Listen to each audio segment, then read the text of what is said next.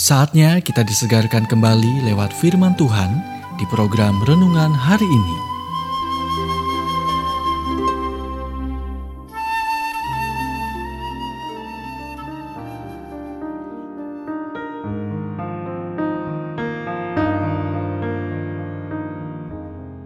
Renungan hari ini berjudul Latar belakang keluarga Anda tidak masalah. Nats firman Tuhan dari Ibrani 2 ayat 11. Ia tidak malu menyebut mereka saudara.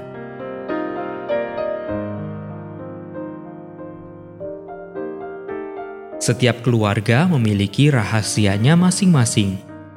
Sepupu dengan catatan penjara, atau ayah yang meninggalkan keluarga, atau kakek nenek yang kabur dengan rekan kerja. Mungkin mengejutkan Anda mengetahui bahwa Yesus juga tidak berasal dari keluarga yang sempurna.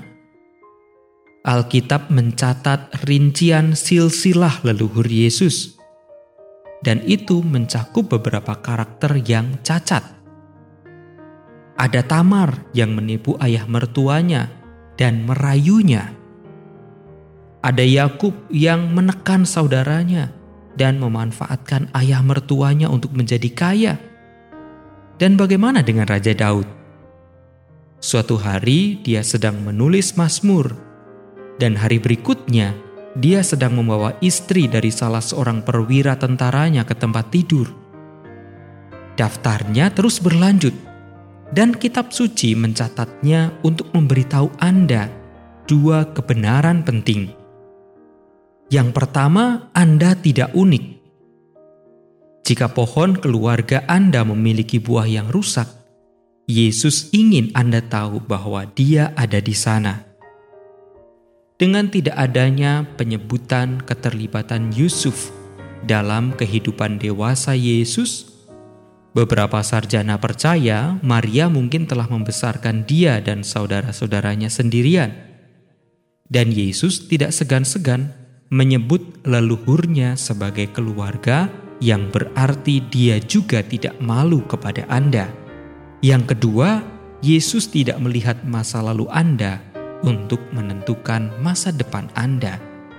Di matanya, DNA spiritual mengalahkan DNA alami. Alkitab berkata, "Jadi, siapa yang ada di dalam Kristus, ia adalah ciptaan baru. Yang lama telah berlalu, sesungguhnya yang baru sudah datang." Dan semuanya ini dari Allah, yang dengan perantaraan Kristus telah mendamaikan kita dengan dirinya, dan yang telah mempercayakan pelayanan pendamaian itu kepada kami.